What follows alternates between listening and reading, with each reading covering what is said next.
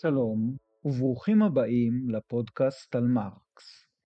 אני יפתח גולדמן, פרק 37, ידיד המדינה.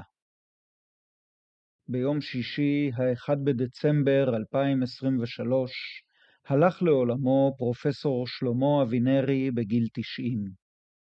אבינרי היה מבכירי החוקרים, הפרשנים והמתרגמים של כתבי מרקס לעברית. שאלתי את עצמי כיצד אספיד אותו בפודקאסט, והנה בא רענן שמש פורשנר, ידיד הפודקאסט על מרקס, וכתב הספד טוב, אמיתי וראוי. ביקשתי וקיבלתי את רשותו לקרוא אותו באוזניכם, ואתם יודעים, כהרגלי, בתיקונים קלים וגם כמה השמטות. פרידה משלמה אבינרי, כתב רענן, היא הזדמנות טובה להיפרד ממורה ענק, שגם אם רשימת הדברים שאיני מסכים איתו היא לא קצרה, ואף התארכה עם השנים, היא כלום, קצרצרה, פצפונת, בהשוואה לרשימת הדברים שלמדתי ממנו. אבינרי חשב מאוד שונה ממני על העולם, על פוליטיקה, על ציונות, על פילוסופיה, על היסטוריה, ומעל הכל, הוא חשב מאוד שונה ממני על מרקס. אבל הוא היה מורה נפלא, וזאת משתי סיבות. ראשית, הוא היה פשוט משכיל וחכם בצורה שאי אפשר להתחיל לתאר בכלל. הוא הכיר את כתביו של מרקס אולי יותר טוב מכל אדם שפגשתי אי פעם. ופעמים רבות זה מה שחירפן אותי בנקודות שבהן בעיניי הוא הבין את מרקס באופן שגוי. אבל לא הייתה פעם שהתווכחתי איתו. פעמים מעטות פנים אל פנים, לרוב הוויכוח התרחש אצלי בראש במעמד צד אחד, שלא הכרתי בכך שמדובר באדם שיודע המון, יודע יותר ממני, וככל הנראה יודע יותר ממה שאדע אי פעם. והסיבה השנייה היא משהו שחיבר בינינו, השפה. אבינרי חשב מרקס בעברית, בדיוק כמוני. למעשה אבינרי יצר חלק גדול מהשפה שמאפשרת לי לחשוב מרקס בעברית. התרגומים שלו לכתבי השחרות הם הדרך היחידה שהייתה לי, ופעמים רבות עדיין הדרך היחידה שיש לי להבין את מרקס המוקדם, שבלעדיו אי אפשר להבין את מרקס, להבין אותו באמת. לשפה העברית יש רומן נפלא עם המרקסיזם, אבל במובנים רבים הרומן פסק בשנות החמישים. ובמשך שנים אבינרי היה האיש הבולט ביותר שהמשיך לכתוב, לתרגם ולחשוב מרקס בעברית. אני אדם שבשבילו בלי עברית אין מרקס, אז החוב שאני חב לאבינרי עצום במיוחד. נוח על משכבך בשלום, איש השפה העברית, איש אשכולות, מורה, מורה נפלא. תודה על הכל. כה אמר רענן שמש פורשנר, ידיד הפודקאסט על מרקס, ולי לא נותר אלא לענות אמן ולהבטיח לכם, לאבינרי ולמורים גדולים נוספים שלימדו אותנו, שאני ורענן ואחרים נמשיך לשאת את הלפיד. ועכשיו, כהרגלי בשבועות האחרונים, סעיף מנהלות. במהלך החודשים הראשונים של הפודקאסט על מרקס, הקפדתי להעלות כישורים רלוונטיים לאתר של הפודקאסט. אבל בחודשים האחרונים אני מגלה שיותר ויותר פעמים אני רק מבטיח להעלות כישורים, אבל לא באמת עושה את זה. וזה גורם לי לקונפליקט בין העצלנות לרגש האחריות שלי, ואני ממש לא צריך עכשיו קונפליקטים פנימיים נוספים. החלטתי לכן לחתוך את הקשר הגורדי. אני מודיע בזאת שאני מפסיק לשים כישורים למקורות שאני משתמש בהם. ממילא, ככל שמדובר בטקסט של מרקס, או בעצם כל טקסט סוציאליסטי בעברית, המקום לחפש אותו הוא באתר הספרייה הסוציאליסטית של ידיד הפודקאסט על מרקס, רענן שמש פורשנר. ומעבר לזה, כולכם מתורגלים בשימוש בגוגל. אבל כדי שלא תרגישו נטושים לחלוטין, אני מצהיר חגיגית. מי שיפנה אליי ויבקש הפניה או קישור, אני מבטיח לענות לו, ולספק לו את מבוקשו כמיטב יכולתי. פשוט שילחו וואטסאפ ל-050-3344-036.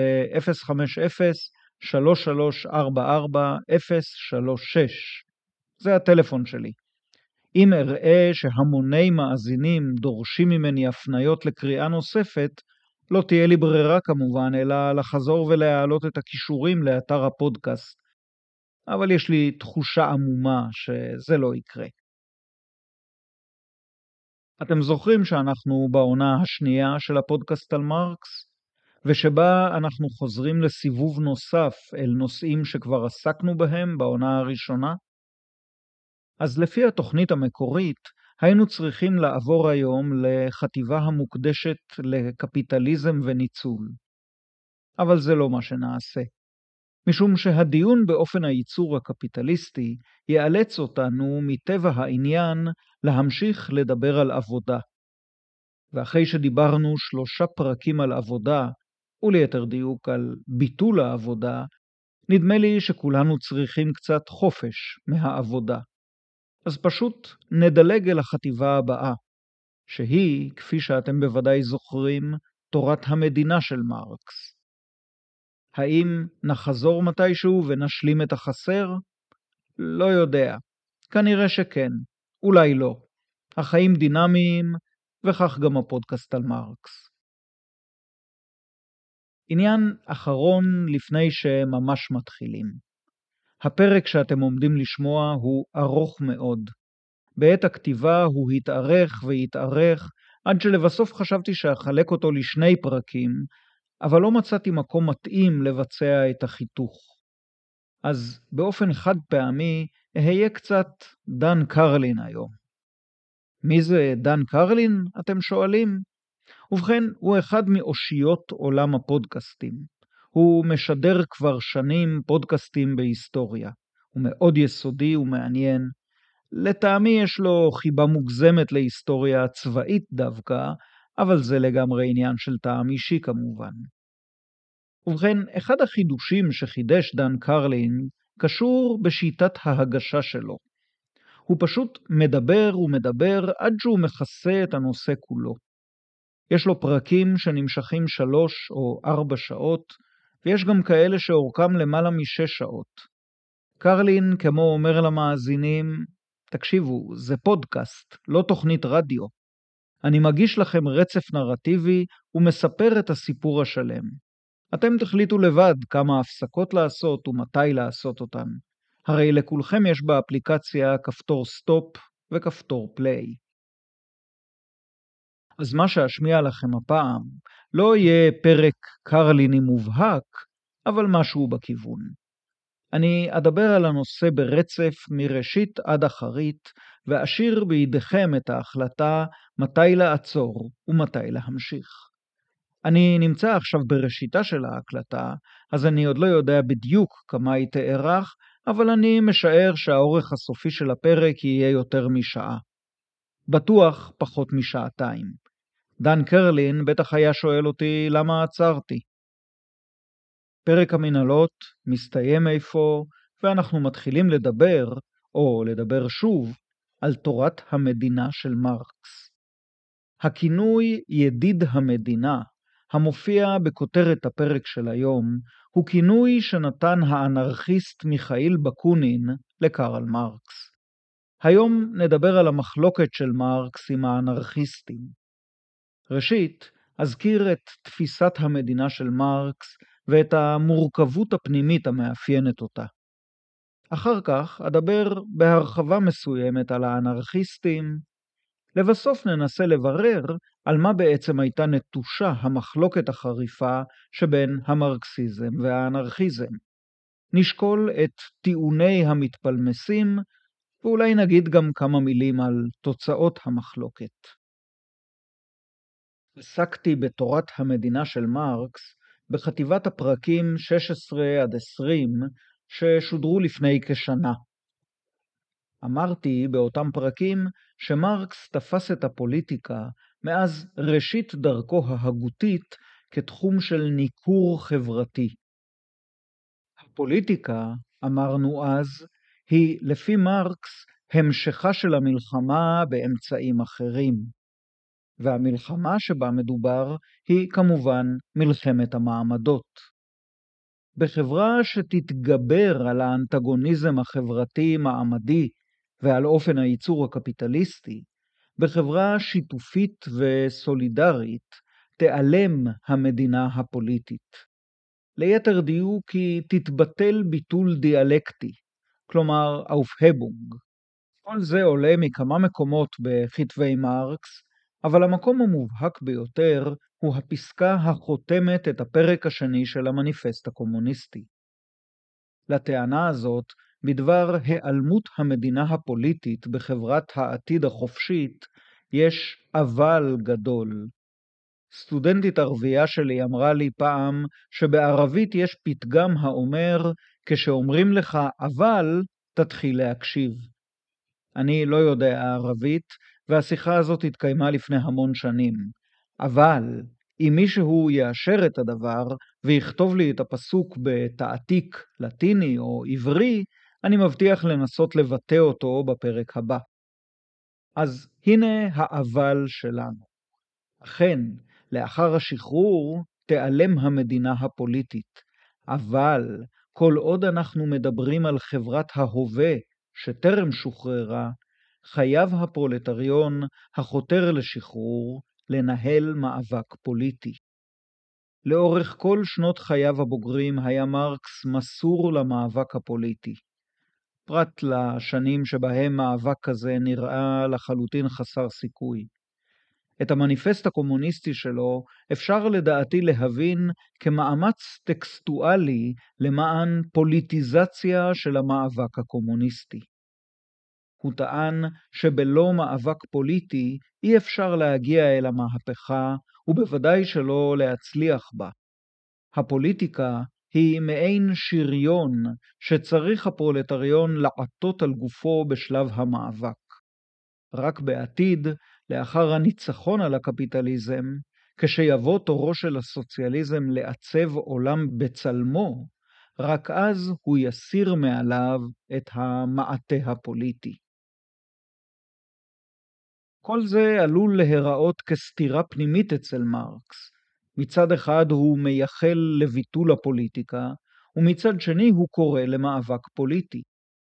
אבל במסגרת הדיאלקטיקה ההגליאנית אין כאן סתירה, או אולי בנוסח מדויק יותר, יש כאן סתירה החותרת אל ביטולה. כדי להמחיש זאת, אקרא באוזניכם כמה שורות מתוך אחד החיבורים החשובים ביותר של גאורג וילהלם פרידריך הגל, ההקדמה לפנומנולוגיה של הרוח. לפני כמעט 30 שנה, ירמיהו יובל תרגם את ההקדמה והוציא אותה לאור. מרענן שמש פורשנר, ידיד הפודקאסט על מרקס, למדתי לדעת שכל הכרך הראשון של הפנומנולוגיה, כולל ההקדמה, תורגם לעברית בידי רועי בר ואלעד לפידות, ויצא לאור בשנת 2020. אבל אני אדבוק בתרגום הישן של יובל, ובכך אני לא אומר שום דבר בגנות התרגום החדש, שלא קראתי אותו. השורות שאני עומד לקרוא לכם אהובות עליי במיוחד, והן מתאימות כאן, גם אם הקשר שלהן לנושא שלנו הוא רק עקיף או מרומז. עמודים 112-113 בתרגום של ירמיהו יובל. ציטוט חיי הרוח אינם חיים הנרתעים מפני המוות, ונשמרים מפני ההרס לבל ייגע בהם, אלא הם חיים הנושאים את המוות ומקיימים את עצמם בתוכו. הרוח רוכש את האמת שלו רק מתוך כך שהוא מוצא את עצמו בתוך ההיקראות המוחלטת. הרוח הוא עוצמה זו לא בתור חיובי המפנה עורף לשלילי, כמו שאומרים על משהו שהוא שקר או לא כלום, וכך גומרים איתו ושרים ועוברים אל משהו אחר, אלא רק מתוך שהוא, הרוח, מישיר מבט אל השלילי ושוכן בקרבו. שכינה זו היא כוח הקסם ההופך את השלילי להוויה. סוף ציטוט. הגל מדבר על חיי הרוח, ואילו מרקס על המאבק המהפכני. אבל יכול היה מרקס ממש לאמץ את מילותיו של הגל ולומר שהמאבק הוא עוצמה לא בתור חיובי המפנה עורף לשלילי, הפוליטיקה, אלא רק מתוך שהוא, המאבק, מישיר מבט אל התחום הפוליטי ושוכן בקרבו. שכינה זו היא כוח הקסם העתיד להפוך את המדינה הפוליטית להוויה חברתית של שיתוף, חירות וסולידריות. בהתייחסו אל אחד מרגעי השפל של התנועה המהפכנית, כישלון מהפכת 1848 בצרפת, כתב מרקס על ייאושו של הפרולטריון מן המאבק הפוליטי בעקבות התבוסות, ועל ניסיונות של פועלים לתקן את מצבם שלא בדרך המאבק, אלא בדרך ההתארגנות השיתופית והעזרה ההדדית. בין אם הניסיון הוצג כמסקנה מן הכישלון הפוליטי, ובין אם נבע מתוך עמדה עקרונית של התנגדות לפוליטיקה. וכך כתב מרקס, אני מצטט מן החיבור ה-18 בברימר של לואי בונפרטה, עמוד 172 בתרגום לעברית. ציטוט חלק מן הפרולטריון משליך יהבו על ניסיונות דוקטרינריים, בנקים לחליפין והתאגדויות פועלים, משמע, הוא מטיל עצמו לתוך תנועה שבה מוותר הוא על הפיכת העולם הישן בעזרת כלל האמצעים הכבירים של עולם זה עצמו, ותחת זאת הוא מבקש את גאולתו מאחורי גבה של החברה, באורח פרטי, בתחום תנאי קיומו המוגבלים, משמע לתוך תנועה שבה הוא נידון לכישלון. זה כמובן לא סוף פסוק בדיון על המאבק המהפכני והפוליטיקה. יש עוד הרבה מאוד מה לומר. כתבתי על זה פעם עבודת דוקטורט שלמה בפילוסופיה. אחר כך הפכתי את הדוקטורט לספר שכותרתו "הסוציאליזם בין פוליטיקה לאוטופיה". ממש לאחרונה, רענן שמש פורשנר, ידיד הפודקאסט על מרקס, העניק לי כבוד גדול כשסרק את הספר אל הספרייה הסוציאליסטית בעברית שלו, ועכשיו כולכם יכולים לקרוא אותו ישר על המסך שלכם. אבל בהנחה שאולי לא כולכם תעזבו עכשיו הכל ותרוצו לקרוא את הספר, אני אמשיך להציג כאן בדברים הבאים מעט מן הרעיונות הנפרסים בספר. הגיעה השעה להזמין אל הבמה את שותפיו יריביו של מרקס, את האנרכיסטים. כבר שנה לפחות שאף אחד לא מזכיר את האנרכיזם, אז הבה נעשה משהו לתיקון העוול. רק לפני שאמשיך אציין שלפני כמה חודשים אירח אותי ידידי ג'רמי פוגל בפודקאסט שלו Think and Drink לשיחה של למעלה משעה על אודות האנרכיזם. רוצים לינק? אין לינקים, נגמר הדבר הזה של לינקים. חפשו בגוגל. ובכן, הראשון שקרא לעצמו אנרכיסט היה ככל הידוע הסוציאליסט הצרפתי פייר ז'וזף פרודון, שהיה מבוגר ממרקס בכעשר שנים, ובמידה רבה חנך את מרקס והכניס אותו בשערי הסוציאליזם. זה היה בשנת 1844. וזה לא לגמרי מדויק לומר שפרודון ומרקס היו סוציאליסטים באותה שנה, משום שהמילה סוציאליזם עוד לא ממש נולדה, ואם נולדה, הרי שעוד לא עזבה את אנגליה מכורתה. השם קומוניזם כבר היה קיים, אבל כאמור, פרודון העדיף לקרוא למשנתו אנרכיזם, ומאוחר יותר עבר להשתמש גם בשם מוטואליזם, כלומר הדדיות, אבל אתם ממש לא חייבים לזכור את זה. באותה תקופה הסתובב בחוגו של פרודון גם מיכאל בקונין, שהיה קצת יותר מבוגר ממרקס וקצת יותר צעיר מפרודון. בקונין היה אציל רוסי שנעשה למהפכן, ועתיד היה להפוך לדמות המרכזית באנרכיזם בעשורים הבאים. האנרכיסט הגדול השלישי ברשימה היה גם הוא רוסי, וכבר הזכרתי אותו לפחות פעם אחת בפודקאסט על מרקס. כוונתי לנסיך פיוטר או פטר קרופוטקין. קרופוטקין כבר שייך לדור אחר. הוא נולד 24 שנים אחרי מרקס, וכיוון שחי כמעט עד גיל 80, הוא גם זכה לראות בבוא המהפכה הקומוניסטית ברוסיה מכורתו. מה הוא חשב על המהפכה של לנין וטרוצקי? הוא חשב עליה דברים מורכבים. אבל עובדה היא שהוא חזר לרוסיה בעקבות המהפכה, לאחר שחי כמעט כל חייו הבוגרים בגלות. קרופוטקין נפטר בשנת 1921, וההלוויה שלו במוסקבה הייתה המפגן האנרכיסטי הגדול האחרון ברוסיה. זמן קצר אחר כך, הבולשביקים שבשלטון חיסלו את האנרכיזם ברוסיה, כמו את כל יתר הזרמים בסוציאליזם שלא היו הם עצמם. בעיני רבים, וגם בעיני הפודקאסט על מרקס, נחשב קרופוטקין לגדול ההוגים האנרכיסטים. ולא בגלל שהיה נסיך, תואר שהוא כמובן התנער ממנו בבוז כבר בנעוריו. חשוב להדגיש כדי להימנע מרושם מוטעה, האנרכיזם לא היה בשום אופן תופעה רוסית במובהק, אף כי היו אנרכיסטים רוסיים רבים. הוא גם לא היה תופעה שולית. במערב אירופה הייתה תנועה אנרכיסטית גדולה ופעילה לפחות עד לשנות ה-30 של המאה ה-20, בעיקר בדרום-מערב היבשת, בשוויץ, באיטליה ובספרד.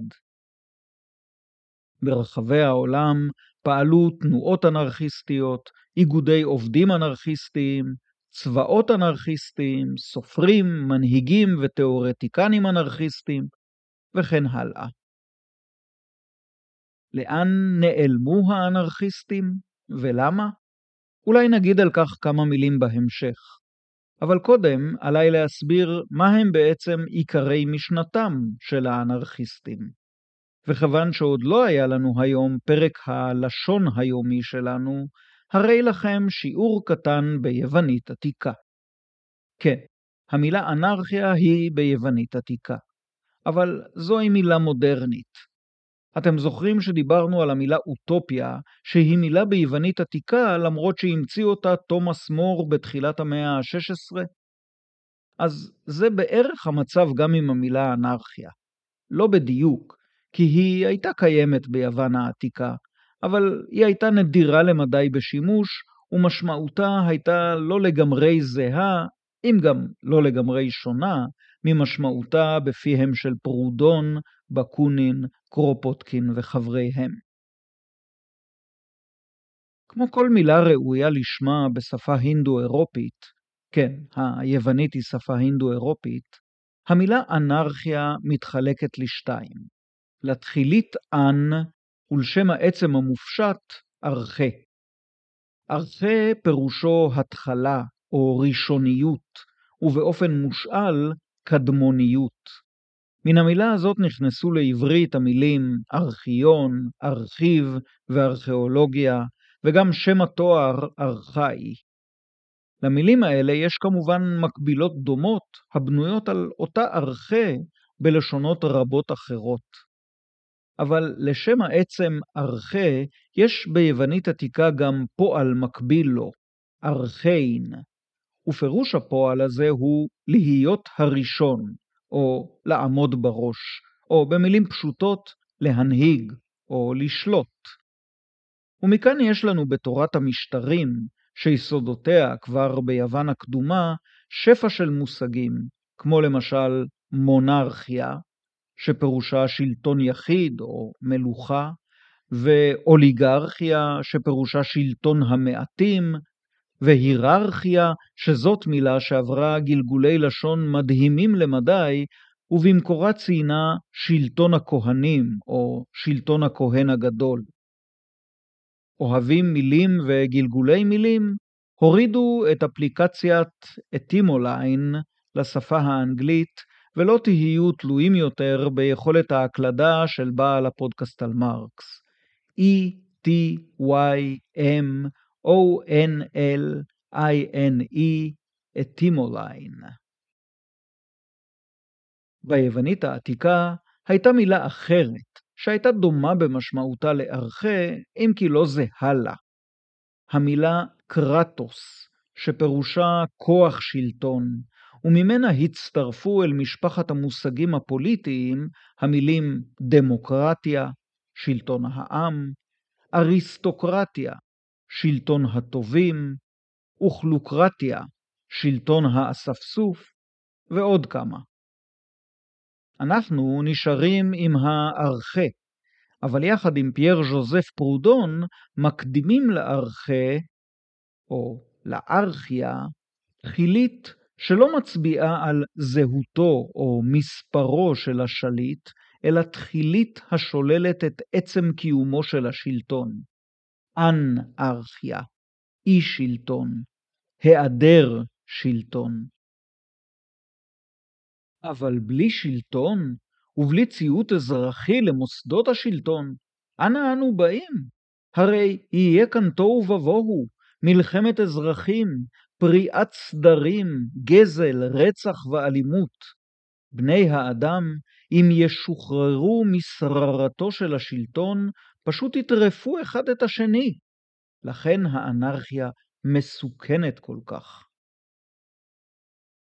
הטענה הזאת איננה חדשה. היא אחת מאבני היסוד של כל המחשבה השמרנית, למרות שהיו גם הוגים לא שמרנים שהחזיקו בה.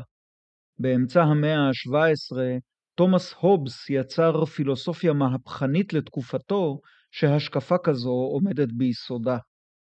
אבל למרות גדולתו של הובס וחשיבותו בתולדות הפילוסופיה הפוליטית, אני מעדיף לא להסתמך עליו, אלא על אחד משלנו, התנא הקדמון שחי בתקופת חורבן הבית השני, הלא הוא חנינא סגן הכהנים. במסכת פרקי אבות מופיע פסוק מפיו של חנינא, ציטוט: הווי מתפלל בשלומה של מלכות, שאלמלא מוראה, איש את רעהו חיים בלעו. ואולי אפשר לקרוא את זה חיים בלעו. ופעמים שפסוק זה של חנינא מוזכר כשהמילה אחיו מחליפה את המילה רעהו. כדי להבין את גודל עוצמתו של הפסוק, עלינו לזכור שחנינא לא מצווה עלינו כאן להתפלל לשלום מלכותו של משיח בן דוד, שליח האל הצדיק, אלא לשלומה של מלכות רומי הרשעה. אין ספק שהיא רשעה. אין עוררין בקרב חבריו של חנינא שהיא רשעה, ואף חנינא עצמו לא חולק על כך. אבל הגיונו השמרני הקודר של חנינא סגן הכהנים אומר כך: גם שלטונה של הנוראה במלכויות עדיף על מצב האנרכיה, עדיף על היעדר השלטון, משום שבלי הפחד מעונשו של השלטון, איש את אחיו חיים בלעו.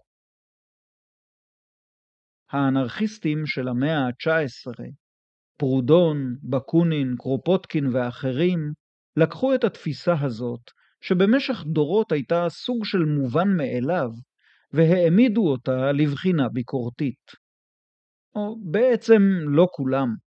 חלק מן האנרכיסטים בחנו את הטענה החנינאית הזו באופן ביקורתי, אחרים פשוט פסלו אותה מכל וכול והציעו לנו להשליך אותה אל פח האשפה של הרעיונות שעבר זמנם, ובעצם שאף פעם לא היה בהם צורך. לדעת כל האנרכיסטים, יש לבני האדם כושר שכמעט כולם רואים בו כושר טבעי או מולד לשיתוף פעולה חברתי. אם יותר לבני האדם לפעול באופן חופשי וספונטני, הם ייצרו עבור עצמם אין ספור מסגרות של עבודה משותפת, של צריכה משותפת, של חיים משותפים, מסגרות של סולידריות ושיתוף. אדם לאדם זאב? ממש לא, אלא אדם לאדם חבר. וכשבני האדם יפעלו מתוך חירות מלאה, במצב של היעדר שלטון, במצב של אנרכיה, הם יבראו עבור עצמם סדר חברתי חופשי יותר, אנושי יותר, סולידרי ויפה יותר מן הסדרים החברתיים האיומים והנוראים שאנו חיים בהם תחת שלטונן של המדינות. אילו פגש מיכאל בקונין את חנינא סגן הכהנים, ואילו שמע אותו שונה את פסוקו, הווה מתפלל בשלומה של מלכות, שאלמלא מוראה איש את רעהו חיים בלעו, אולי היה מפליט איזו הערה אנטישמית, שכן בקונין, בשונה מממשיכו הגדול ממנו קורופוטקין, לא היה חף מסממנים של גזענות סלאבית. מכל מקום, הוא היה עונה לחנינה ואומר לו, להפך, ממש להפך. הווי מתפלל, או מוטב, הווי עושה לקיצה של מלכות, שבגלל מוראה איש את אחיו חיים בלאו. פייר ז'וזף פרודון סיפק לאנרכיזם את סיסמת הקרב היפה והמדויקת ביותר כשאמר, הסדר מתוך כפייה יוחלף בסדר מתוך חירות. מכל מה שאמרתי עד כאן, אתם מבינים ודאי שהאנרכיסטים, כל האנרכיסטים, רוכשים שנאה יוקדת לכל הגילויים של כפייה ושלטון, לכל מצב שבו אדם פועל מתוך ציות ולא מתוך בחירה. ויותר מכל, הם שונאים את מוסד המדינה. וכיוון שקבענו אי שם בעונה הראשונה של הפודקאסט על מרקס, שלפעילות העיקרית המתבצעת בזירה המדינית נקרא בשם פוליטיקה, מאליו מובן שהאנרכיסטים הם גם מתנגדי הפעילות הפוליטית. כלומר, הם בהחלט בעד מהפכה, אבל לא מהפכה פוליטית. הם בהחלט בעד מאבק מהפכני, אבל לא מאבק האוחז בכלים הפוליטיים. וכאן אנחנו מגיעים לפולמוס הגדול שלהם עם מרקס ועם המרקסיסטים. אבל לפני שנתחיל לברר את העניין הזה, אני חייב לפתוח עוד חלון קטן. אמרתי שהאנרכיסטים שונאים את השלטון ושונאים את המדינה, ובדיוק בגלל זה הם נקראים אנרכיסטים. חלק הארי של התנועה האנרכיסטית מיקם עצמו במובהק ובמפורש בצד שמאל של המפה הפוליטית. האנרכיזם הוצג בדרך כלל, גם בפי תומכיו וגם בפי יריביו, כאחת הדרכים בסוציאליזם. אבל יש גם זרזיף אנרכיסטי שזלג ימינה, ממש ממש ימינה. הזרזיף הזה הוא יותר זרם אקדמי מאשר תנועה חברתית או פוליטית. אנשיו ממוקמים בקצה הימני ביותר של המפה הפוליטית, בעיקר ככל שאנחנו מתמקדים בתפיסת העולם הכלכלית-חברתית, שהיא עבורם העיקר. בדרך כלל קוראים לזרזיף הזה ליברטריאניזם, שם הגזור מן המילה הלטינית ליבר, שפירושה חופשי, כמו ליברטי באנגלית. אבל כבר שמעתי וקראתי את השם אנרכיזם ימני בהקשר זה, ואפילו במקום או שניים ראיתי שקוראים לאנרכיסטים הראשונים, שעליהם דיברתי קודם, בשם המבלבל ליברטריאניזם שמאלי. מכל מקום, מה שמשותף לכל האנרכיסטים, מימין ומשמאל, הוא שנאתם היוקדת למוסד המדינה ולכל מנגנוני הכפייה באשר הם. כל עוד בן שיחכם נואם בלהט בגנותן של המדינות, לא תוכלו להחליט האם הוא אנרכיסט משמאל או מימין. אז איך בכל זאת תבדילו? ובכן, נסו להטות את השיחה לשני כיוונים אחרים. נסו לדבר איתו על קהילות, ונסו לדבר איתו על ההון, ההון הפרטי. נתחיל מן הקהילות. האנרכיסט השמאלי מניח, כמו כל סוציאליסט, או כמעט כל סוציאליסט, שהאדם הוא יצור חברתי מטבעו. מבחינה זו, סוציאליסטים, או כמעט כל הסוציאליסטים, הם תלמידיו של אריסטו הזקן, שלימד שהאדם הוא חיה פוליטית. וזכרו שהפוליס היוונית הייתה חברה ואפילו קהילה לא פחות מכפי שהייתה מדינה. כך שאת הביטוי חיה פוליטית צריך להבין כאן כחיה חברתית, או אפילו חיה קהילתית. מרקס מאיר במקום אחד באירוניה, ובצדק גמור, שהאדם חי כיצור חברתי אלפי שנים לפני שהופיע בעולם הפוליס הראשונה. לכן, היחידה החברתית הבסיסית עבור האנרכיסט הסוציאליסט היא לא הפרט הבודד והמנותק מכל הקשר, אלא הקהילה החופשית שחבריה מקימים אותה או מצטרפים אליה מרצונם, וגם יכולים לפרוש ממנה בכל עת. בסדר החברתי החופשי של חברת העתיד התאגדו בני האדם בקהילות, והקהילות הצטרפו לפדרציות של קהילות, והפדרציות יכוננו פדרציות של פדרציות, וכן הלאה. והכל מתוך חירות מלאה. כל הצטרפות תהיה מרצון, וכל פרישה תהיה אפשרית ולגיטימית. קבוצות כאלה ופדרציות של קבוצות ינהלו את מלוא המרחב של החיים הציבוריים בחברה האנרכיסטית שלאחר המהפכה. לעומת זאת, האנרכיסט הימני או הליברטריאן הוא מעריץ קנאי וצר מוח של דמות האינדיבידואל המופשט, המנותק מכל הקשר חברתי. החברה הטובה שמדמיין לעצמו הליברטריאן היא לכן לא בדיוק חברה, אלא אוסף של פרטים המתקשרים ביניהם כל הזמן בהסכמים דו-צדדיים וקצרי טווח. בערך כמו ההתקשרות שביני לבין האינסטלטור שלי. שהיא למען האמת התקשרות די ארוכת שנים, אבל היא באה לידי ביטוי, לשמחתי, לעתים די נדירות. קהילות וקבוצות מעוררות את חשדו האינסטינקטיבי של הליברטריאן, שמא הן ארגוני כפייה בהתהוות או בתחפושת.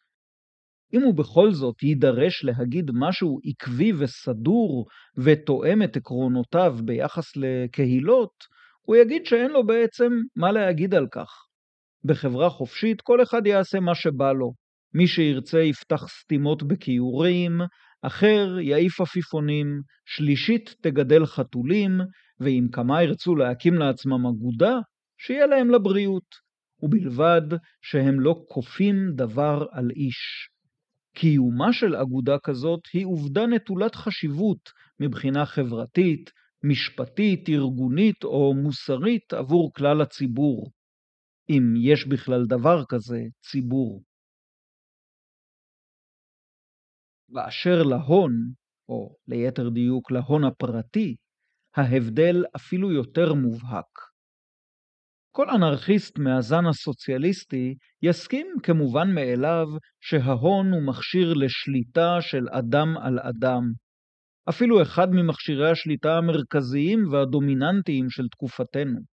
ולכן ברור שלאחר המהפכה, מי שיעלמו כל אמצעי השליטה והכפייה, ייעלם גם ההון הפרטי. נסו להסביר זאת לליברטריאן או האנרכיסט הימני והוא לא יבין מה אתם אומרים. זה לא שהוא לא יסכים איתכם, הוא פשוט לא יבין. תאמינו לי, ניסיתי. מבחינתו, היחס שבין אילון מאסק ואחרון הפועלים בפס הייצור של חברת הרכב טסלה הוא יחס בין שני אינדיבידואלים שווים וחופשיים שכרתו ביניהם חוזה לתועלתם ההדדית. הליברטריאניזם, או האנרכיזם הימני, תופס במפת התיאוריות הכלכליות-פוליטיות את המקום שמימין לנאו-ליברליזם, וכנראה שאי אפשר להרחיק יותר ימינה משם. אני מודה שבעיניי זהו זרם מחשבתי דל מאוד, שהנחותיו חסרות שחר ומסקנותיו חסרות תוקף. חשיבותו היחידה היא בכך שהוא גוזל מן הנאו-ליברליזם את הבכורה בתחרות על התואר התיאוריה הכלכלית-פוליטית המופרכת ביותר בעידן המודרני. הנאו-ליברלים ייאלצו להסתפק במקום השני. אבל אולי זה לא כל כך נורא, משום שאולי כל נאו-ליברל הוא בעצם ליברטריאן בהתהוות, או ליברטריאן שעוד לא בירר לעצמו עד תום את עיקרי משנתו. אני ברשותכם אחזור אל האנרכיסטים הסוציאליסטים או הקומוניסטים, שהם הרבה יותר מעניינים, הרבה יותר משמעותיים בהיסטוריה המודרנית, והם גם אלה שאיתם התווכחו מרקס והמרקסיסטים. ואולי בשלב הזה אתם שואלים בתמיהה, התווכחו על מה? שכן נראה לכאורה שיש כאן בעיקר הסכמות. גם המרקסיסטים וגם האנרכיסטים היו תנועות מהפכניות. אלה כאלה שאפו לארגן את החברה מחדש ולהעמידה על אדנים של כלכלה שיתופית וסולידריות. כמו המרקסיסטים, גם האנרכיסטים מבקרים את ההון הפרטי או הבעלות הפרטית על אמצעי הייצור ושואפים לבטלם. ואשר לביטול המדינה הפוליטית שראו האנרכיסטים בחזונם, הנה קראנו אצל מרקס דברים מפורשים על היעלמות השלטון הפוליטי לאחר המהפכה. על מה איפה נשאר להתווכח? לפני שאשיב על השאלה הזאת, אציין רק שהמאבק בין שני הפלגים האלה בשמאל האירופי והעולמי היה קצת לא כוחות, כמו שהיו אומרים בילדותי. לא כוחות, לא מבחינה תאורטית וגם לא מבחינת העוצמה החברתית. מבחינה תאורטית לא היה לדעתי אף אנרכיסט שהתקרב לשיעור קומתו של מרקס. האנרכיסטים השמאליים לא היו כסילים כמו הליברטריאנים שבימין, רחוק מכך. אבל בכל זאת, כשקוראים את התיאוריה שלהם, מרגישים פעמים רבות טוב, לפחות אני מרגיש פעמים רבות שהכל קצת פשוט מדי, קצת שטחי מדי, קצת סיסמאתי מדי. וזה כשהם לא פשוט מעתיקים ממרקס, כפי שעשה לדעתי מיכאיל בקונין בתחילת דרכו. ושיהיה ברור, אני לא מבקר אותו על כך שהעתיק ממרקס, כבר נאמתי כאן את נאומו של ג'ים ג'רמוש בזכות הגניבה הספרותית ובגנות הדרישה למקוריות. אבל בקונין לא יכול היה להתחקות אחר מלוא מורכבותם הדיאלקטית של הטיעונים של מרקס. זוכרים את מה שאמרתי לפני המון המון פרקים משמו של עמוס עוז, על כך שהסוציאליזם מצריך מזיגה לא פשוטה בין אש לקרח? ובכן, אודה ולא אבוש, אני אוהב את מיכאיל בקונין, אוהב לקרוא אותו ואוהב ללמד אותו. אבל אולי יותר מכל סוציאליסט קלאסי אחר, בקונין מציג בפנינו את הנזקים העלולים להיגרם כאשר האש חזקה הרבה יותר מהקרח. חזקה כל כך עד שהיא כמעט ממיסה אותו כליל. כאמור, הקונפליקט שבין המרקסיסטים והאנרכיסטים גם לא יתקיים מתוך שוויון בעוצמה החברתית. ומה שאומר כדי להסביר עניין זה כבר נוגע אולי בשורש המחלוקת. השנאה היוקדת של האנרכיסטים כלפי מוסד המדינה וכל מנגנוני הכפייה הדומים למדינה התרגמה לחשדנות כלפי כל מבנה ארגוני או מוסד קבלת החלטות. בעשורים הסוערים של המחצית הראשונה של המאה ה-20, האנרכיסטים מצאו עצמם יותר מפעם אחת בפני דילמה טרגית. לייסד לעצמם מנגנונים אפקטיביים לקבלת החלטות והורדת הוראות כלפי מטה, ובכך לאבד את ייחודם האנרכיסטי ולהיות כמו כולם, או לשמור על עקרונות האנרכיזם, להימנע מכל שימוש במנגנוני שליטה וכפייה, וכתוצאה מכך פשוט להיכחד. יש כמה וכמה דוגמאות היסטוריות לדילמה הטרגית הזאת. בעיניי המובהקת מכולן היא סיפורו של נסטור איבנוביץ' מחנו. וכמובן שאני אספר לכם עליו. רק לפני כן אבהיר מראש שאני לא מומחה להיסטוריה של רוסיה או אוקראינה, וסביר להניח שאגיד המון שטויות. אני יודע שיש כמה וכמה מומחים לרוסיה ולאוקראינה שמאזינים לפודקאסט על מרקס.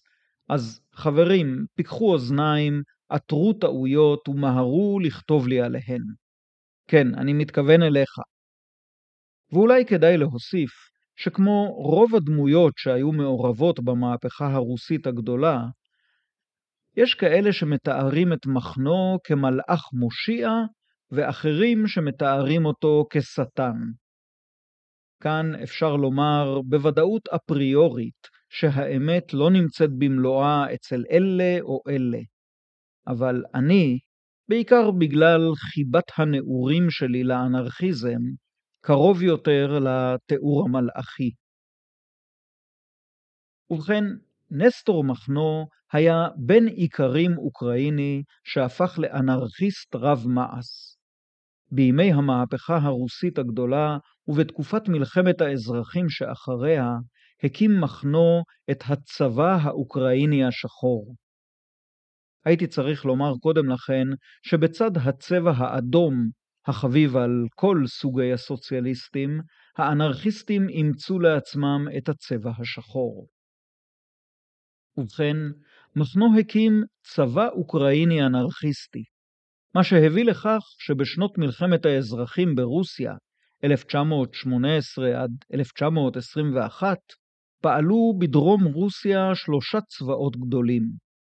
הצבא הלבן, הנאמן למשטר הישן, הצבא האדום של הבולשביקים, והצבא השחור האנרכיסטי של נסטור מחנו. השחורים נלחמו בדרך כלל שכם אל שכם עם האדומים, אבל כמובן שכאשר הוסר האיום הלבן, פנה הצבא האדום נגד כוחותיו של מחנו. הסוף היה עגום. מחנו נאלץ לברוח מפני רודפיו אל מחוץ לרוסיה הסובייטית, וסיים את חייו בגלות, עני וחולה, ונושא בגופו את השלכותיהן של פציעות קרביות רבות. הוא מת ב-1934. אבל בימי הזוהר שלו, ב-1919 ו-1920, הצבא האנרכיסטי של מחנו שלט על שטח נרחב בדרום-מזרח אוקראינה. כמה נרחב? שלוש או ארבע פעמים שטחה של מדינת ישראל. בשטח הזה התגוררו מעל שבעה מיליון תושבים, והצבא של מחנו מנה מעל מאה אלף חיילים. תשאלו, איך שולטים על שבעה מיליון תושבים באופן אנרכיסטי? איך מפקדים על מאה אלף חיילים באופן אנרכיסטי? אלה בדיוק השאלות שמחנו נאלץ להתמודד איתן. ולא רק הפיקוד בקרב, אפילו שאלות יותר טריוויאליות הציקו למפקדים האנרכיסטים. למשל, איך משיגים אספקה לגדודים? הצבא צועד על קיבתו, ואת הקיבה צריך למלא בלחם, והלחם גדל בשדותיהם של האיכרים, ואלה לא תמיד מעמידים את לחמם בשמחה ומרצונם החופשי לרשות המאבק האנרכיסטי. ובכן, אני לא חושב שמחנו וחבריו מצאו תשובה טובה לשאלה הזאת. מה עושים? מפקיעים חיטה מאיכרים ומפקדים על חיילים, או מבקשים יפה מחברים, שיכולים להסכים או לא להסכים על פי רצונם החופשי. אולי אין תשובה טובה, אבל אולי גם יש כמה תשובות לא רעות, ואולי עוד לא מיצינו את האפשרויות וצריך להמשיך לחפש. מכל מקום, זוהי הדילמה הטראגית של האנרכיסטים שעליה דיברתי. כמו כל דילמה, היא מחייבת אותך לכאורה לבחור בין שתי אפשרויות בעייתיות או גרועות. והיא דילמה טראגית, משום שכל אחת מקרני הדילמה עלולה להיות קטלנית. לאורך תולדותיה של התנועה האנרכיסטית, האנרכיסטים תמיד היו בצד המפסיד. זה לא קרה רק בגלל הדילמה הטראגית, אבל היא בהחלט חלק מן הסיפור. זוהי הטרגדיה של האנרכיזם. מצד שני, הבולשביקים האדומים, שהיו פטורים לפחות מלהביה המשוננים ביותר של הדילמה, היו הצד המנצח. וייתכן שניצחונם היה גם הוא טרגדיה, ולאו דווקא טרגדיה קטנה יותר מטרגדיית תבוסתם של האנרכיסטים. הגיעה העת לחזור אל הציר המרכזי של הדיון שלנו. על מה בעצם נחלקו המרקסיסטים והאנרכיסטים? בראשית דרכם היו מרקס ובקונין חברים ושותפים לדרך. האנרכיסטים הצטרפו לאינטרנציונל הסוציאליסטי אשר הוקם בשנת 1864 ושמרקס היה הדמות העיקרית בו. לאמיתו של דבר, בזירה זו, באינטרנציונל הסוציאליסטי הראשון, התנהל עיקר הסכסוך בין מרקס ואנשיו לבין בקונין ואנשיו, עד שלבסוף, בקונגרס בהאג בשנת 1872, המחלוקת הביאה לפיצוץ. בקונין וסיעתו סולקו מן האינטרנציונל. בתגובה הם הודיעו כמובן שהחלטת הסילוק חסרת תוקף משום שהם עזבו את האינטרנציונל הסוציאליסטי מרצונם והקימו לעצמם אינטרנציונל אנרכיסטי, שמרכזו בשוויץ. אגב, בשלב הזה מרקס ובקונין כבר ממש תאבו זה את זה. ושוב אני שומע אתכם שואלים, אבל על מה הייתה המחלוקת? גם אני שאלתי את עצמי את השאלה הזאת לפני שנים רבות, כבר כשלמדתי לתואר ראשון בפילוסופיה באוניברסיטת תל אביב. נתקלתי אז בתשובה קולעת של פרידריך אנגלס, שלפעמים היטיב לנסח עניינים מסובכים באופן תמציתי וברור. אנגלס אמר כך, או בערך כך, זה לא ציטוט מדויק. ההבדל בינינו לבין האנרכיסטים הוא שאנחנו חושבים שהמדינה היא תופעה של הקפיטליזם, בעוד שהם, כלומר האנרכיסטים, חושבים שהקפיטליזם הוא תופעה של המדינה. זו בהחלט הבחנה מוצלחת של אנגלס. השנאה היוקדת של האנרכיסטים למוסד המדינה גרמה להם לראות בו את המקור לכל סבלותיהם של בני האדם, וייסורי אופן הייצור הקפיטליסטי בכלל זה. מרקס ואנגלס, לעומת זאת, ראו באופן הייצור הקפיטליסטי את לב הבעיה. המדינה הפוליטית, כך הסבירו, היא מכשיר בידי הקפיטליזם לשם הגנה על האינטרסים של ההון, ובעיקר על הבעלות הפרטית על אמצעי הייצור. אבל בכל זאת, אם זהו כל ההבדל שבין הצדדים, נשארת בעינה השאלה על מה המהומה, ובעיקר מדוע צריך להתקוטט ולהתפלג. הרי כשתכונן חברת העתיד החופשית, לדעת אלה כמו גם לדעת אלה, יבוטלו הן המדינה הפוליטית והן הבעלות הפרטית על אמצעי הייצור.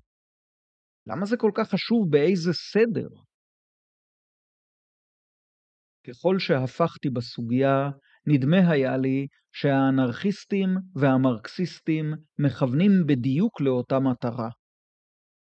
אתם זוכרים אולי שסיפרתי לכם בפרק ה-29 של הפודקאסט על מרקס, שמרקס וחבריו לא אהבו לענות בפירוט על השאלה איך תיראה חברת העתיד החופשית שלאחר המהפכה, כלומר, מהי המטרה של המאבק המהפכני. ממש באותו אופן, גם האנרכיסטים התנגדו בדרך כלל לשאלה הזאת, וקרופוטקין הגדול נתן לפחות נימוק אחד לכך בניסוח קולע שכתב בספרו זיכרונות של מהפכן. ציטוט: את דמותה של החברה החופשית אנו תופסים כדבר אשר לעולם לא יקבל צורה סופית. סוף ציטוט. גם את הפסוק הזה הזכרתי בפרק ההוא של הפודקאסט על מרקס. אבל נניח שלמרות כל מאמצי ההתחמקות שלהם, היינו מצליחים לכלוא את מרקס בחדר אחד, ואת בקונין או קרופוטקין בחדר אחר, והיינו נותנים לכל אחד מהם כלי כתיבה, ומודיעים להם שלא יצאו מכלאם עד שיתארו לנו איך תיראה החברה החופשית שלאחר המהפכה שהם מייחלים לה כל כך. ובכן, נדמה לי שהתיאורים שהיינו מקבלים לבסוף ממרקס ומהאנרכיסטים היו דומים מאוד, אולי אפילו זהים ממש. חברת העתיד תיבנה מקבוצות שיתופיות, דמוקרטיות וסולידריות, ומפדרציות של קבוצות כאלה, אשר יעמדו בקשרים כלכליים, חברתיים ותרבותיים מסועפים, וינהלו ביחד, באופן שיתופי, דמוקרטי וסולידרי, את ענייניהם המשותפים של האזרחים, ובפרט את חלוקת העבודה, את הפקת התוצרים ואת חלוקתם, את חלוקת המשאבים והמטלות, ואת האחריות החברתית לבריאותו, לרווחתו, לחינוכו ולהשכלתו של כל יחיד, ושל כל יחידה כמובן. תיאור יותר מפורט של האוטופיה לא היינו מצליחים לחלץ ממרקס או מבקונין, מאנגלס או מקרופוטקין, גם אם היינו ממש ממש ממש לוחצים. ובכן, אם יש הסכמה ברורה למדי על המטרה, אז על מה נשאר להתווכח? כך שאלתי את עצמי בראשית שנות התשעים של המאה הקודמת, כשהתחלתי לחשוב על עבודת הדוקטורט שלי. התשובה נראתה לי כמעט מובנת מאליה. אם יש מחלוקת, ואם המחלוקת לא עוסקת במטרה, הרי שמן הסתם היא עוסקת בדרך להגשמתה של מטרה זו. מכאן יצאתי למסע ארוך שלא הסתיים בעבודת הדוקטורט. עד היום אני חושב שרוב המחלוקות בסוציאליזם, ולא רק המחלוקת בין המרקסיסטים והאנרכיסטים, הן בעיקרן מחלוקות על אודות הדרך, יותר מכפי שהן מחלוקות על אודות המטרה. הדרך אל המהפכה מנוסחת אצל מרקס באופן בהיר מאוד למין כתביו המוקדמים ועד למאוחרים שבהם. אעשה את זה לרגע פשוט, עד כדי סכנה לפשטנות, ואציין שבעה שלבים. אבל זכרו שהשלבים לא מסודרים כמו קרונות ברכבת. בדרך כלל, הפעילות שמאפיינת שלב קודם נמשכת גם בשלב הבא, ואף הלאה, בעצם אלה יותר תהליכים נצברים מאשר שלבים, כיאה לתיאוריה דיאלקטית. שלב ראשון, הסברה, תעמולה, חינוך והתארגנות עצמית בקרב מעמד הפועלים. שלב שני, הקמת איגודי עובדים וניהול מאבקים של איגודי עובדים, מאבקים על תנאי העבודה, גובה השכר וכדומה. שלב שלישי, הקמת מפלגות פוליטיות של מעמד העובדים ובניית בסיסי כוח פוליטיים. שלב רביעי, ניהול מאבקים פוליטיים דרך הגופים הפוליטיים של המדינה, מאבקים על זכויות פוליטיות, כמו זכות הבחירה למשל, ומאבקים לשיפור תנאי העבודה באמצעות חקיקה, כמו נניח חוק עשר השעות באנגליה. שלב חמישי, צבירת העוצמה החברתית, הארגונית והפוליטית שבידי הפרולטריון, עתידה להגיע לרגע פיצוץ שבו הפרולטריון כובש לעצמו את הזכויות הדמוקרטיות והופך למעמד השליט במדינה. לרגע הזה קוראים בדרך כלל מהפכה. שלב שישי, הפרולטריון, המאורגן כמעמד שליט, מתחיל להפעיל מדיניות המקדמת בהדרגה את ביטול ההון הפרטי והפיכת הכלכלה לשיתופית. זוהי תוכנית עשר הנקודות שבסוף הפרק השני של המניפסט הקומוניסטי. דיברנו עליה בעונה הראשונה, בפרק ה-27 של הפודקאסט על מרקס. השלב הזה הוא בעצם שלב מעבר של החברה והכלכלה, מעבר מקפיטליזם לסוציאליזם. שלב שביעי, השלטון מאבד בהדרגה את אופיו הפוליטי, המדינה הפוליטית מוחלפת במוסדות ציבוריים המבוססים על סולידריות ולא על אנטגוניזם, על שיתוף ולא על תחרות. מופיעה הקהילייה, שבה, כלשונו של המניפסט הקומוניסטי, ההתפתחות החופשית של כל יחיד היא התנאי להתפתחותו החופשית של הכלל. עכשיו, בגלל שאין לכם את זה כתוב מול העיניים, נעשה את זה אפילו יותר תמציתי ודחוס. הנה שוב שבעת השלבים. 1. הסברה, תעמולה, חינוך בקרב מעמד העובדים. 2. איגודי עובדים ומאבקי עובדים. 3. מפלגות פוליטיות של העובדים. 4. מאבק פוליטי. 5. כיבוש השלטון הפוליטי. 6. תהליך מעבר מקפיטליזם לסוציאליזם. 7. חירות, סולידריות, שיתוף, ביטול הקפיטליזם, ביטול המדינה הפוליטית. עכשיו באים בקונין וחבריו האנרכיסטים ומסתכלים על הרשימה הזאת בחשדנות, בעוינות ובזלזול, ואומרים כך: שלב ראשון, הסברה ותעמולה? בוודאי ובוודאי, הרי זה מה שכולנו עושים. שלב שני, איגודי עובדים? אוקיי, בסדר, רק צריך להקפיד שהאיגודים האלה יהיו וולונטריים לחלוטין. שלב שלישי, מפלגות פוליטיות? אתם יצאתם מדעתכם? אתם רוצים להביס את המדינה באמצעות כלי הנשק העיקרי שלה עצמה? הרי זו סתירה פנימית. כלי האדון לעולם לא יפרקו את ביתו של האדון. המשפט האחרון הוא ציטוט מטקסט מפורסם של אודרי לורד משנת 1979, אז הוא לא בדיוק שייך לנושא, אבל הוא ממחיש בצורה נפלאה את אופן המחשבה האנרכיסטי. האנרכיסטים ממשיכים לעיין במורד הרשימה ונאחזים פלצות.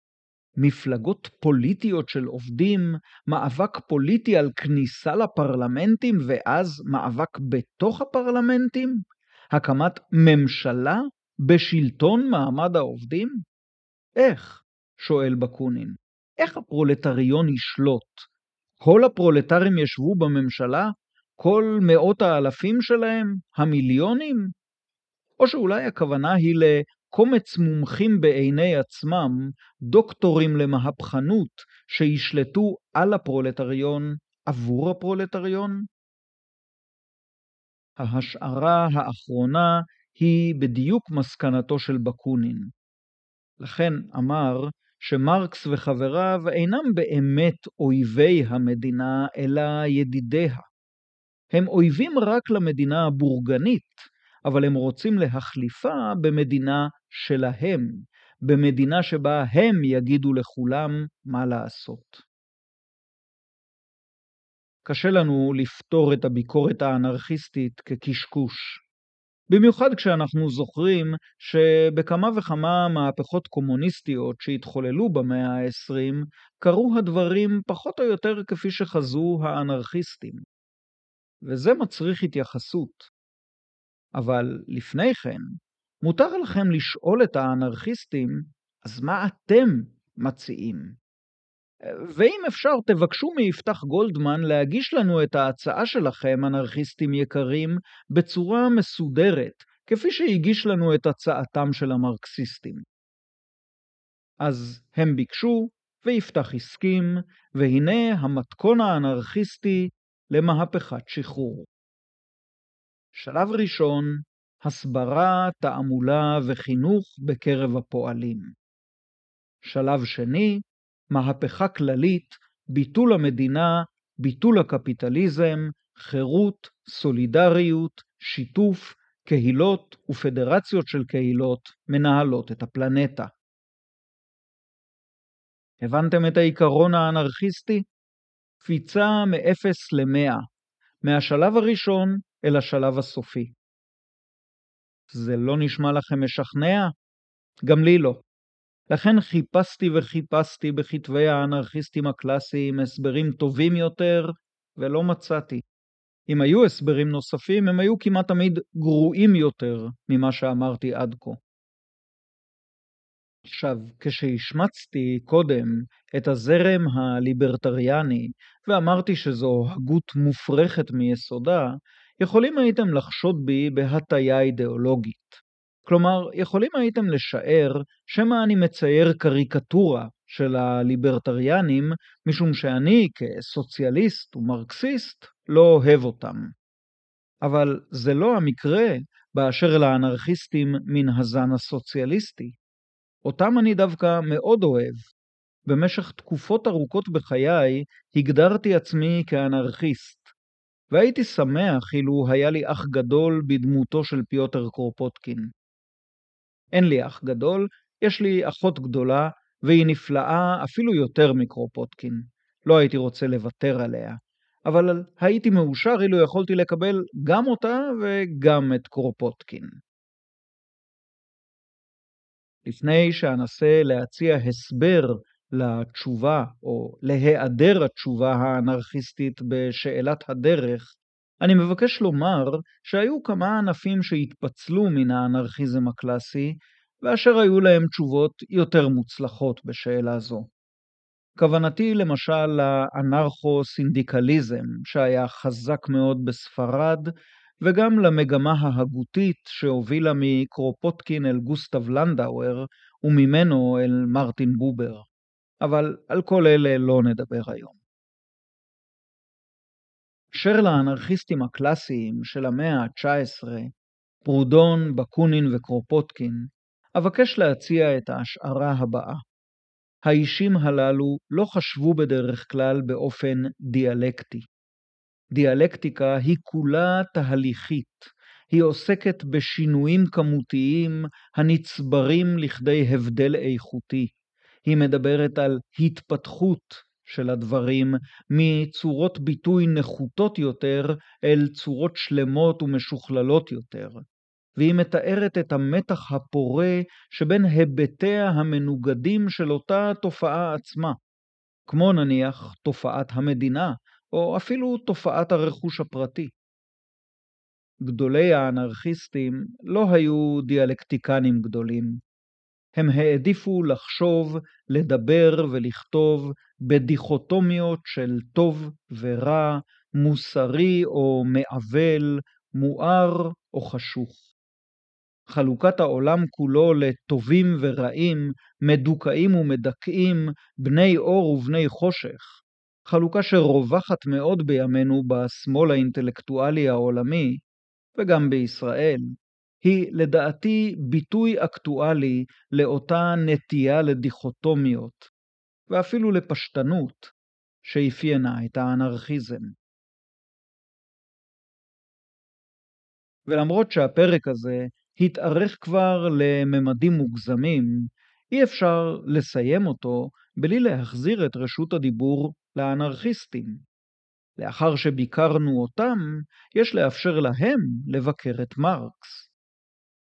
ממה שנאמר עד כה, אתם יכולים בוודאי לשער שמכל המושגים שמרקס השתמש בהם, היה אחד שממש הוציא את האנרכיסטים מדעתם. זהו המושג הדיקטטורה של הפרולטריון. אתם בוודאי זוכרים שדיברתי על המושג הזה בפרק ה-28 של הפודקאסט על מרקס. כותרת הפרק הייתה לאן נעלמה הדיקטטורה של הפרולטריון, והסברתי בו את המושג הטעון הזה, אבל גם הסברתי שזה ממש לא מושג מרכזי בהגותו של מרקס. הוא מוזכר בכל כתביו אולי ארבע פעמים, ותמיד בתמצות רב, בדרך כלל משפט אחד המתווסף לעניינים אחרים שנראו למרקס חשובים יותר. אבל עוד בחייו של מרקס, ובעיקר אחרי מותו, המושג הזה עלה לגדולה, והפך להיות אחד המושגים הכי מדוברים בסוציאליזם. אני מעז להסתכן בהשערה שהדיקטטורה של הפרולטריון הייתה נשארת מושג זניח למדי בהגות הסוציאליסטית, אלמלא שני גורמים.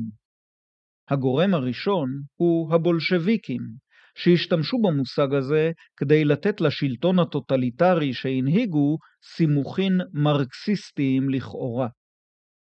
הגורם השני הוא האנרכיסטים, שהשתמשו במושג המרקסי הזה כדי למקד לעברו את הביקורת שלהם על המרקסיזם. וכאן יכולים האנרכיסטים לקפוץ ולומר, עובדה שצדקנו. עובדה היא שברוסיה, בסין, בווייטנאם, בצפון קוריאה ובקובה התממשה תורתו של מרקס בצורת שלטון טוטליטרי המדכא את החירויות הדמוקרטיות של האזרחים ומפעיל דיקטטורה על הפרולטריון במקום דיקטטורה של הפרולטריון. אז איך אתה מסביר זאת? אתה באמת רוצה לשכנע אותנו שלנין, טרוצקי, פידל קסטרו, מאו צטונג ופול פוט כולם היו חולים בדיוק באותו יום שבו הסבירו בבית הספר של המרקסיזם שהמהפכה אמורה ליצור חברה חופשית ודמוקרטית? זו טענה שאי אפשר לנפנף בקלות. יש לחשוב עליה היטב ולהשיב עליה בזהירות. אני מבטיח לייחד לכך את אחד הפרקים הבאים. בינתיים אסתפק רק ברמז ואומר כך. האומנם מוטל עלינו לחפש איזה כשל פנימי בתיאוריה של מרקס המוליך למסקנות טוטליטריות? בעצם, איך היה מרקס עצמו תוקף את הבעיה? האם לא היה אומר לנו שחיטוטים בקרביהן של תיאוריות זה עיסוק הראוי אולי להגליאנים הצעירים או לאידיאולוגים ותיאורטיקנים של אידיאולוגיות? אולי היה מציע לנו במקום זאת לבחון מהם התנאים המטריאליים, החברתיים והפוליטיים שאפיינו את כל החברות שבהם התהווה קומוניזם טוטליטרי, ולשאול מה היה בהם בתנאים הללו כדי ליצור באותם מקומות אהדה למשנתו של מרקס. ומה היה בהם בתנאים הללו כדי לקדם דווקא הגשמה של גרסה דיקטטורית וטוטליטרית של המרקסיזם. עד כאן הפודקאסט על מרקס להיום. אם אתם מאזינים מההווה, אין יותר מה לשמוע, לכו לעשות משהו אחר. ואם אתם מאזינים מהעתיד, והאפליקציה שלכם כבר מתארגנת על עצמה לשידור הפרק הבא, אולי כדאי גם לכם לעשות הפסקה. האזנה לפודקאסטים, כמו כל דבר אחר, ראוי לעשותה במידה המתאימה. תודה ליאיר סיטבון על המוזיקה. תודה ללירן גולדשמיט על הפקת הסאונד. תודה לכם שהאזנתם.